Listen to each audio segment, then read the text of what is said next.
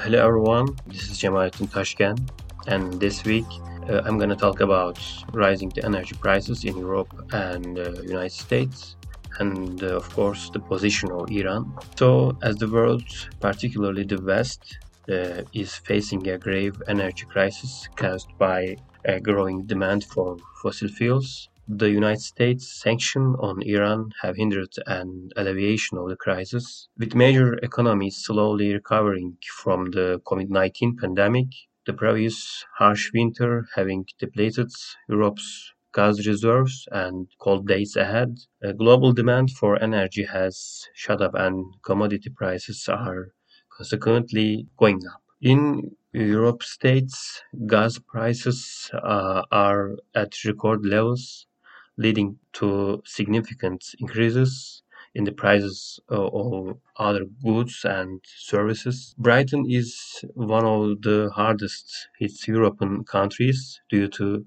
the dwindling North Sea supplies and its limited gas storage. Among others, for example, Italy, Spain, and France are also suffering from the crisis, uh, seeing surge in electricity prices and other commodity prices. Um, meanwhile, uh, gas prices are soaring in the United States amid a sudden increase in price of oil. United States today has reported a real solution to the energy crisis is still not in sight. Uh, although Russia uh, has promised to increase exports, the remaining major fossil fuel suppliers currently seem either unable or, uh, I mean, unwilling to make a significant contribution to the alleviation of the crisis. The global energy market needs uh, new blood, uh, as an analyst has said.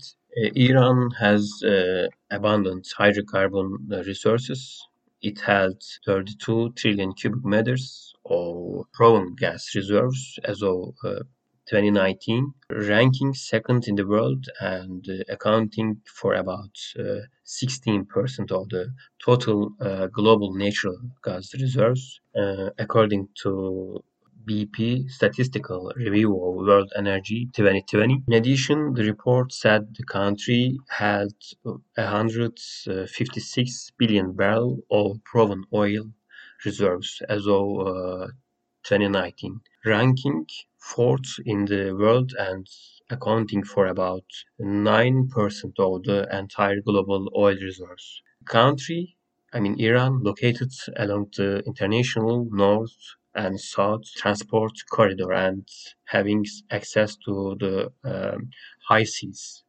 Europe through Turkey and Central Asia can also be a source of rather cheap energy owing to its geographical position, said uh, observers. Prior to Washington's withdrawal in uh, 2018 from the Joint uh, Comprehensive Plan of Action, and I mean its nuclear deal uh, and the uh, RIME position of the unilateral sanction, mainly targeting the oil and gas sector. Iran uh, used to pump about 2.8 million barrels per day of crude oil into the global market.